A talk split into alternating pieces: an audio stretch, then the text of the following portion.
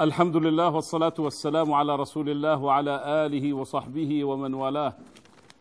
وأسعد الله أوقاتكم جميعا ذكورا وإناثا في أي مكان في الكرة الأرضية. السلام على أحبتنا في كل مكان من آسيا إلى إفريقيا إلى أوروبا إلى أمريكا. كل من يشاهدنا الآن أو يسمعنا. أيها الإخوة الأحبة نرحب بكم وبإخواننا الذين هم دائما معنا وأيضا قبل أن نختم هذه الحلقة الأخيرة إن شاء الله. أيها الإخوة من المواضيع التي نريد أن نطرقها نطرقها على مسامعكم قضية مهمة وهي قضية أن الآن نسمع بعد أن سمعتم عن هذا الدين العظيم في هذه الحلقات وتسمعون وتقرؤون في كتبكم أن هذا الدين جاء لصالح البشرية وكم رددنا في هذه الحلقات على شبهات تثار بالكذب والبهتان. فبالتالي من ضمن هذه الأشياء التي نسمعها على الفضائيات أن المناداة بتطبيق الإسلام معناته حرب دينية. هؤلاء الذين يطرحون هذا نقول لهم كم خلت الأرض من الصراعات بين المبادئ دين أو غير دين؟ كانت اشتراكية وكانت رأسمية وحروب بينهم. كانت راسماليه تتصارع على المصالح وحروب بينهم. كانت حروب قومية. اذا الحروب لا تقف عند فكر معين أو مبدأ معين. إنما النفوس الشريرة التي تكمن وراء هذه المبادئ تجعل من الإنسان ذئب. يعني هتلر مثلا كان عنده قضية الاجتياح للعالم من أجل أن يفرض العنصر الأوروبي خاصة الألماني على كل الكرة الأرضية. هذا لم ينطلق من دين لأنه حتى الدين المسيحي الذي ينتمي إليه يدعو إلى ذلك. الحروب الدينية وقعت حقيقة ووقعت الحروب القومية ووضعت الحروب بين أصحاب المذاهب. إذا لما تخصص الدين أنت أنت لم تتكلم الحق. أي مبدأ في الأرض إذا أراد أن ينتشر؟ إما أن ينتشر بالتي هي أحسن وإما أن ينتشر بالقوة. أمريكا الآن جاءت إلينا بالقوة لتنشر ما تقول. هي تقول نريد أن ننشر مبدأ الديمقراطية بالقوة. وما هي الديمقراطية الأمريكية؟ وجدناها مثلا. كيف تفعل بالناس من ذبح وقتل وإلى آخره؟ هل هذه تعتبر يعني طرق سلام؟ حتى لا ندخل في قضية أن الإسلام كما قال الذين يحرضون ضده أنه انتشر بالسيف. الجهاد أيها الإخوة الجهاد فرض لماذا؟ لإزالة الحواجز المادية أمام الدعوة الإسلامية. يعني في طغاة كانوا يمنعون انتشار الإسلام بل بالعكس كانوا يعني يدعون إلى تدميره في مهده. كانت دولة فارس مثلا والروم تحرض العرب ضد الإسلام وتحاول تشتريهم. وبالتالي كان الرد أن نخضع هذه الدول لحكم الإسلام ونترك الناس على سجيتها. تريد أن تعتنق الدين الإسلامي أهلا وسهلا؟ لا تريد أيضا نحميها. وتكلمنا عن ذلك لأنه على قاعدة لا إكراه في الدين. فالجهاد فرض لإزالة الحواجز المادية أو لإزالة الطغاة من أمام الدعوة أو لنصرة المستضعفين. وما لكم لا تقاتلون في سبيل الله والمستضعفين من الرجال والنساء والولدان الذين يقولون ربنا أخرجنا من هذه القرية الظالم أهلها. واجعل لنا من لدنك وليا واجعل لنا من لدنك نصيرا. بعدها الذين آمنوا يقاتلون في سبيل الله في سبيل هذه الأشياء اللي ربنا فرضها والذين كفروا يقاتلون في سبيل الطاغوت يعني الاستعمار أو الاستدمار للظلم. فقاتلوا أولياء الشيطان إن كيد الشيطان كان ضعيفا. الآن لو قارنا بين الفتوحات الإسلامية والغزوات الاستعمارية التي حصلت في العالم الفتوحات الإسلامية تقبلها الناس وأسلموا لأنه نحكي عن فتح الشام أسلم أهل الشام فتح العراق أسلم أهل العراق فتح فارس أسلم أهل فارس فتح آسيا الوسطى أسلم أهل أهل آسيا الوسطى فتح شمال إفريقيا أسلم وهكذا. ولكن لما دخل الاستعمار الغربي وسمي حاله الاستعمار لأنه من العمار الاستعمار قوم من جميع الشعوب على الإطلاق. إذا واضح الفرق. لماذا رفضه الناس؟ لأنه هؤلاء جاءوا لنشر السيطرة والهيمنة وليس لنشر مبادئ جميلة للناس لمساواتهم وللاخذ بأيديهم. الإسلام كان يدخل أي واحد في الإسلام يصير يعني هو وضعه وضع الحاكم واحد. ابدا. مساواة تحت قاعدة يا أيها الناس إنا خلقناكم من ذكر وأنثى وجعلناكم شعوبا وقبائل لتعارفوا. إن أكرمكم عند الله أتقاكم. وحتى هذه الحروب لما كانت تذهب إلى بلد وتفتحها بالفتح العسكري. تريد أن تنقذ أناسا من بلوى الذين يظلمونهم ثم تعلمهم أنت ذاهب للآخرة أنت ذاهب إلى الجنة. أنت مش عايش عيشة همل على هذه وجه هذه الأرض. فتنقذه من شيء سيذهب إليه. تنقذ هذا الإنسان. فأنقذه في الدنيا بالمعاملة الصحيحة والعدل والعناية به وأنقذه في الآخرة. إذا هذه دعوة خير. ولذلك الدعوة هذه التي تقول لنا الآن لا نريد الدين هم يعرفون أن هذا الدين صنع هذه الأمة. أنا أتحدى إذا كان هنالك مبدأ طبق علينا غير الإسلام وكان في نتيجته خير هذه الأمة. إحنا القرن الماضي طبعا نقول الدولة العثمانية في أواخرها خربت نهائيا ولكن الإسلام بيمنعش أنه غير عربي يحكمني. لأنه في الحديث اسمعوا وأطيعوا ولو تأمر عليكم عبد حبشي. كان رأسه زبيبا ما أقام فيكم حكم الله لأنه فيش عنصرية في الإسلام ولا عائلية في الإسلام. ولذلك الدعوة العائلية خطأ كبير إنه الإسلام بده فلان وفلان لا يجوز هذا. إن أكرمكم عند الله أتقاكم. حتى العبد الحبشي اللي تفكروا أنتم الناس بسموه عبد حبشي بمعنى منظر ليس ليس معنى السود أنهم عبيد. ولكن لو فرضنا أنه كان أصله مستعمل زي بلال بدك تطيع هذا البني آدم. ما أقام فيكم حكم الله لأنه حكم الله المطبق بغض النظر عن اللون ولذلك هذا الدين العظيم جعل من الشعوب تستقبله بكل ترحاب ولم تتركه ابدا. صارت محاولات لإبعاد الناس عندنا. يعني مثلا في تركيا حرب الإسلام حرب شعواء من أجل أن يبعدوا الشعب التركي عن الإسلام. حتى منع الأذان باللغة العربية. حتى منع تضع على رأسك عمامة أو حتى طاقية. تلبس برنيطه إيه، ممنوع التكلم بالعربي. ممنوع ممنوع ممنوع ممنوع. والأخير الشعب التركي بدأ يعود إلى الله بشكل لأنه شعر بلذة الإيمان وانتمائي لهذا الدين.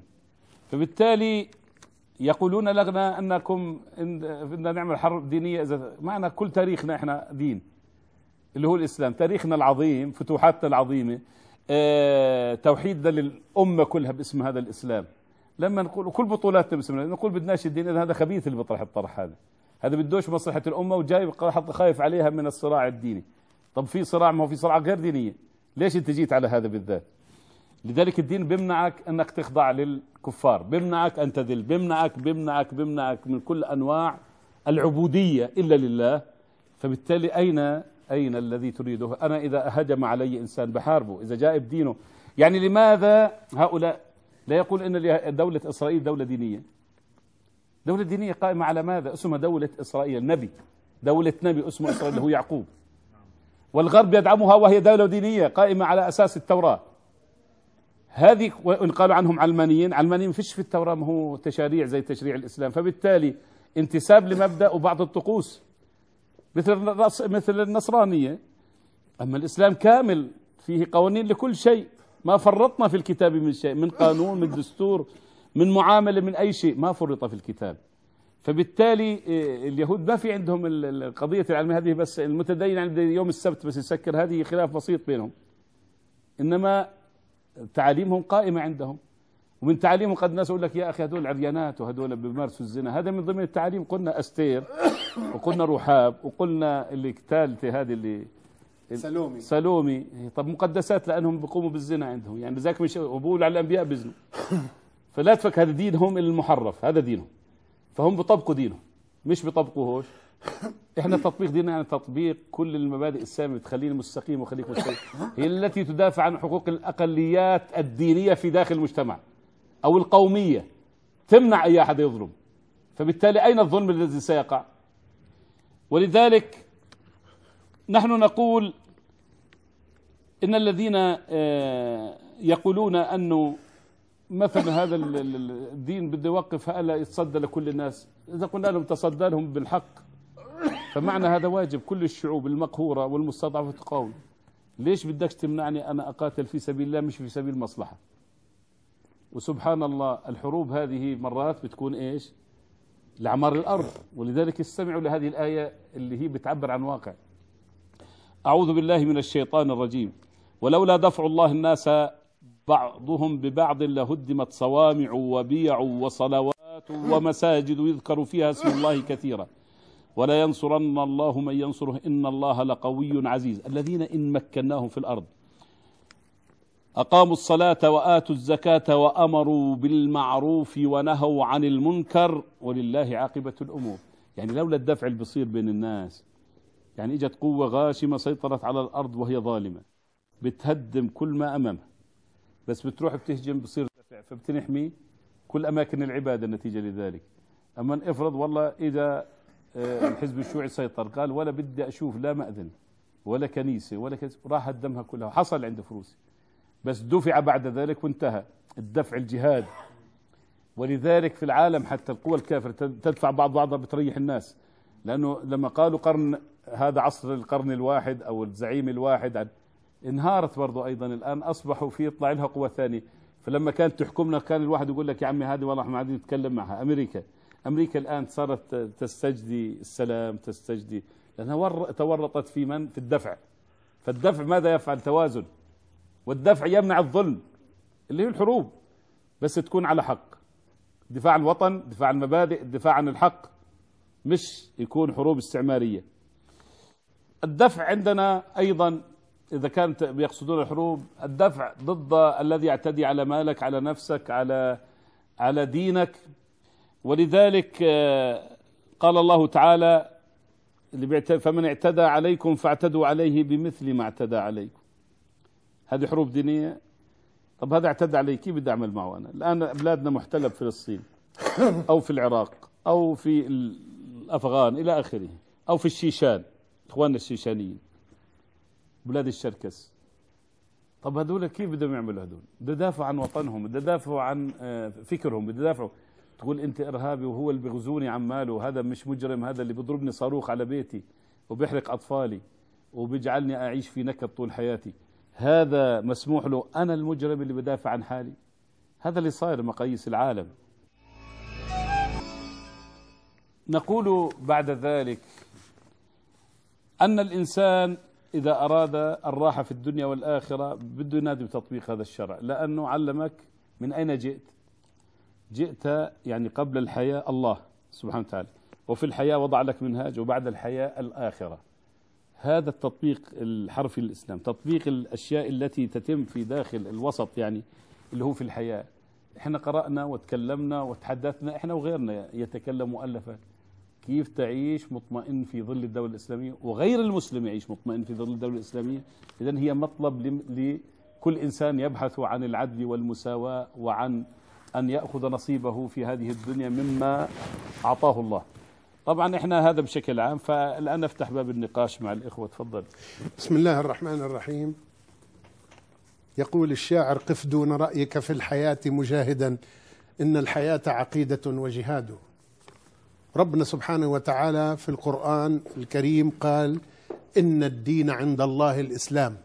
وقال أيضا ومن يبتغي غير الإسلام دينا فلن يقبل منه وهو في الآخرة من الخاسرين. وأمرنا أن نبلغ الرسالة. نحن مكلفون بأن نوصل الرسالة لأدغال إفريقيا وإلى جنوب شرق آسيا وإلى مجاهيل الأمازون في أمامنا الإنترنت وأمامنا الفيسبوكس وأمامنا وأمامنا.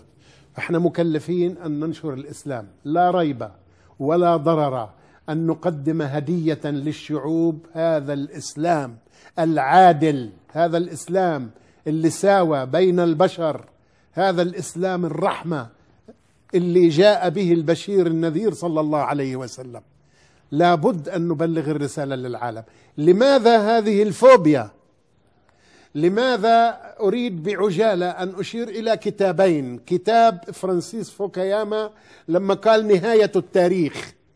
واعتمدته أمريكا إنه صفرت الحضارات ما ضايل غير شوية مسلمين بنقول فيهم هيك بتخلص الحضارة وتحسم لأمريكا. هذا فرانسيس فوكاياما أصله ياباني. إجا واحد وراه بخمس ست سبع سنين اسمه صامويل هانتينغتون. قال صراع الحضارات. قال هذا الخطر الأخضر هذا الإسلام. ما هو خلصوا من الخطر الأحمر. قال هذا الخطر الأخضر فصابين هلا كل قوتهم لتشويه الإسلام ويمكرون ويمكر الله. والله خير الماكرين. فإحنا لازم نقدم الإسلام بطريقة حضارية مستنيرة متنورة وأن لا يكون هناك بعبع فوبيا مش خوف فوبيا. يعني ضعف الخوف على عشرين مرة. ونطمن الشعوب على أن هذا دين عادل ومساواة. وبارك الله فيكم. هو الإسلام بلا شك. هم مش خايفين من مبادئه لأنهم أدرى في مبادئ الإسلام. العلماء منهم. العلماء القارئين منهم. أي نعم. هم خايفين على حالهم. على مصالحهم. على حضارتهم. يعني بز- تحضرني قصة عن الفريسيين وهم قبيلة من اليهود. هم رفضوا سيدنا المسيح أو المسيح عليه السلام. مش رفضا للمسيح ولكن حبا بمصالحهم وبالربا تبعهم. فهم بخافوا على طريقتهم بخافوا على مصالحهم وبخافوا على ماديتهم لأنه الإسلام بكل بساطة راح يخفف علاقتهم بالمادة كما هي الآن وراح يسوي ارتباط روحي عندهم. الروحانيات ما في عندهم روحانيات فما إلهم مصلحة لحبهم للمادة. هذا بيعطيني قصة حصلت في زمن عمر بن الخطاب رضي الله عنه. أسلم زعيم من زعماء العرب جبل بن الأيهم. ملك ملك ملوك العرب. فجاء الإسلام بيساوي بين الناس. في, في ناس برضوش تساوي مع الأقل منهم فبالتالي يعتبروا هذه الميزات ستذهب. ذهب يطوف حول الكعبة. أسلم وذهب يطوف. وهو بطوف ثوب طويل لأنه جر الثوب خيلاء منهي عنه. يعني الرسول صلى الله عليه وسلم لما أمر بأنه لا يزيد الثياب على الكعبين بالنسبة للرجال السبب اللي هو الخيلاء. فإذا كان أخذوا الآن في العصر الحاضر بدون خيلاء قال أبو بكر الرسول صلى الله عليه وسلم إني عندي ثواب قال آه، ما زاد على العقبين في النار. قال يا رسول الله أنا عندي ثواب طويله شوي. قال ليس لمثلك يا أبا بكر إنك أنت ما عندكش خيلاء. فهذا خيلاء بجر ثوب وراه زي ثوب العروس اللي بتجر وراه فواحد من الأعراب المساكين وطأ على ثوب اجى وق- وقع على داس على التوب وقع. فلطموا على وجهه لطمة قوية. هذاك مش قاصد. الإسلام الآن بده يعدل. ما في كبير وصغير. ما في واحد له نفوذ واحد ما لهش نفوذ. فشكى الاعرابي لعمر قال له هذا ضربني الرجال. فاستدعاه. طبعا قبلها كان مرحب فيه. أهلا وسهلا دخلت في الإسلام. أهلا وسهلا. قال له كيف تضرب هذا؟ قال أنا ملك وهذا من عامة الناس وداس على ثوبي. قال أما علمت أن الإسلام يساوي بينك وبين كل الرعية؟ فأمر الأعرابي بأن يرد له ال- الضربة. نعم. فضربه. لا هو شو قال له؟ قال له طب بكرة أنا أنا بس بدي أحضر حالي نفسيا. خليه يضربني أخرني شوي. فهرب. ورجع إلى الكفر وإلى بلاد الروم ظل مع الروم اشترك هذا مع مئة ألف عربي متنصر في اليرموك. ثم هرب مع هرقل وعاشت ذريته كلها في بلاد الروم يعني عرب أصلهم. طبعا تنصروا وبالتالي لماذا هذا هرب؟ لأنه لم يخضع للعدل. نعم. فإحنا لما نشعر إنه في مثلا نظام راس مالي يعني بده المال هو اللي يحكم. وأنت بتقول له لا بدنا نساويك مع واحد طفران. ما بدوش إياه طبعا. واحد بسكر تقول له الإسلام بيمنع الخمرة. يقول لك شو بدي بهالكلام هذا؟ فاذا هو تقييد لشهوات فترفض حتى في الجاهلية الأولى كانوا يرفضون فيرفضون يقول لك بدناش الإسلام. يا أخي الإسلام إذا أنقذك من الزنا أنقذك من شر إذا أنقذك من الشر أنقذك من شر إذا أنقذك من الخمر أنقذك من شر. يعني وأنت لا تريد هذا إذن هي المرض فيك وليس في هذا الدين. فتجي تقول بدناش نطبقه؟ هو ارتباطه في المادة إذا ارتباط في المصلحة المادية المنفعية غير الصالحة. أبدا أبدا. فل... يعني الآن تشوف أمراض الايدز كيف منتشرة في أوروبا ومع الأسف الآن سمعت بعض لو جاء الإسلام بيمنع بيمنع الشذوذ لأنه بتعرف شو عقوبة الشذوذ في الإسلام. قال الفقهاء الشاذ هذا لأنه ربنا خسف قوم لوط وربنا ضرب الإنسانية الآن لأن أصبح ضمن قانون معلن لأنه قال ول- لم ت... و- وما انتشرت الفاحشة في قوم قط. هذا الرسول صلى الله عليه وسلم حديث صحيح. إلا فشى فيهم الطاعون والأوجاع والأمراض التي لم تكن في أسلافهم. فالآن فشى الفاحشة هي اللواط أو الشذوذ نقول لواط نسبة لقوم لوط وليس للوط عليه السلام. فشت الفاحشة قال ولم تفشل وما فشت الفاحشة في قوم حتى يعلنوا بها تصير معلنة يعني بقانون يعني تصير مش مخبية إلا فشت فيهم هذه الأوجاع فجاء الإيدز. إذا كان قوم لوط مليون هذول الآن تقريبا 100 مليون. 100 مليون على على حسب الإحصاءات غير الرسمية. 60 مليون إحصاءات رسمية. لأنه في ناس ما بترضاش تعلن ولا تروح بضل بكات مع أهلها. فعوقبت البشرية. فلو كانوا في تطبيق إسلام هل تنتشر الفاحشة؟ طبعا لا. بالقوانين؟ طبعا. إذا لمصلحة الناس.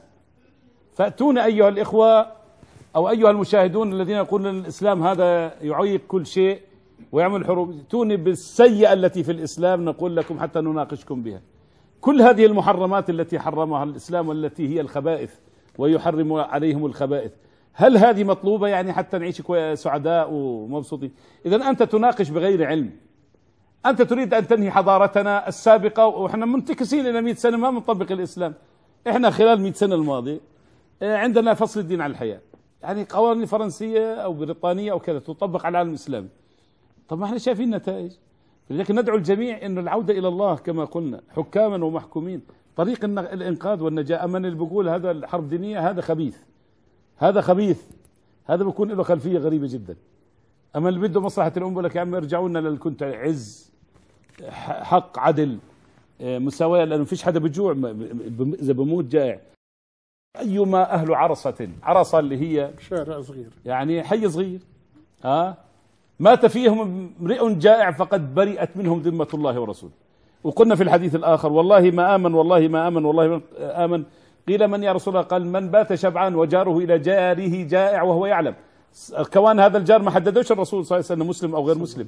يعني لو نصراني جيعان ممنوع يموت من الجوع بدك تروح طعميه ولا بتقسم الخبز بينك وبينه.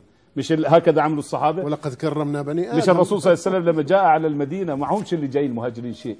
كل واحد يتقاسم ما يملك مع أخيه حتى النساء. اللي عنده أكثر من واحد يقول له اختار واحد منهم. حصل هذا. فإذا نتقاسم في حالة التقشف في حالة المجاعة في حالة الفقر نتقس نقتسم كل شيء حتى نكون من المسلمين. هكذا فعلوا. وهكذا صار في عام المجاعة بعد زمن سيدنا عمر. وضع الحجار على بطن بطل يأكل. كان يأكل سمن ما يرضاش يأكل خلص. فكان يسمع قرقرة لمعدته يقول قرقري أو لا تقرقري والله لا تشبعين حتى يشبع عامة المسلمين. إذا هكذا حتى الحاكم يصبح في مستوى الرعية. ليه بدناش اياه الإسلام هذا؟ إحنا ليش بدناش اياه بدك هذا اللي عايشين فيه إحنا؟ أنت اللي بتنادي عمالك على التلفاز, التلفاز وهذا بسمعهم كثير. أنت تنادي بهذا. بديلك ما هو يا بديلك وقد حكمت. حكم بغير الإسلام. ماذا أصبحنا؟ أصبحنا نشكو من كل شيء. أولها العزة وآخرتها الأكل خ- رغيف الخبز. إذا نحن الإسلام هو دين الله ودين العزة. ولذلك لما كنا تحت رايته توحدنا وحد الإسلام. بمنع الفرقة بأي شكل وقلنا عن هذا. حتى جعل الخليفة آه، هارون الرشيد يوما يقف على آه، آه، بقصر على شرفة القصر فينظر إلى غيمة في السماء. فماذا يقول له الوحده طلع محل الإسلام بوحد الناس. قال امطري حيث شئت. فإن خراج خراجك راجع إلي. فإن خراجك راجع إلي. بد الأخير الخراج تبعك يرجع لي فبالتالي على بيت مال المسلمين. الآن يا أخوي إحنا بندعي للمطر. بيعدي من فوقينا بروح على بلد تاني لأنه صغير حجمنا. المطر مرات بندعي له. والله بتكاثر في الجو. بعدين بمطرش يعني بمطر على غيرنا لأنه حجمنا قليل بس لو كنا متوحدين فإن الخراج كله والخير كله بيجي علينا. أما كيف بدنا نصير بهذا لأن الإسلام منع الفرقة منع الفرقة. قال إذا زي كما قلنا إذا بويع لإمامين فاقتلوا الآخر منه مسلم. بدك تقتله مشان ما تعملش فرقة. إذا الإسلام هذا عظيم يا إخواني. لا تقعدوا تهجموا عليه وتطلعوا على الفضائيات وتروحوا تصيروا تقولوا هذا الدين رج- رجعي وهذا الدين أخرنا وهذا يبيعوا لنا حروب. الآن اللي بدافع عن أراضي المسلمين وأراضي المسلمين مجاهدين بآمنوا إنه الجهاد فرض عين فبيمنعوا الكفار يسيطروا على أعراضنا وعلى مالنا وعلى دمائنا. فلسطين وغيرها يعني. شكرا لكم جميعا وإلى الأخوة المستمعين والمشاهدين والأخوة الضيوف ونكرر مرة أخرى نرجو لنا ولكم العافية وأن نسير على منهاج الله وأن نلتقي عند الله في مقعد صدق عند مليك مقتدر. وإلى اللقاء في حلقات حلقات قادمة والسلام عليكم ورحمة الله تعالى وبركاته.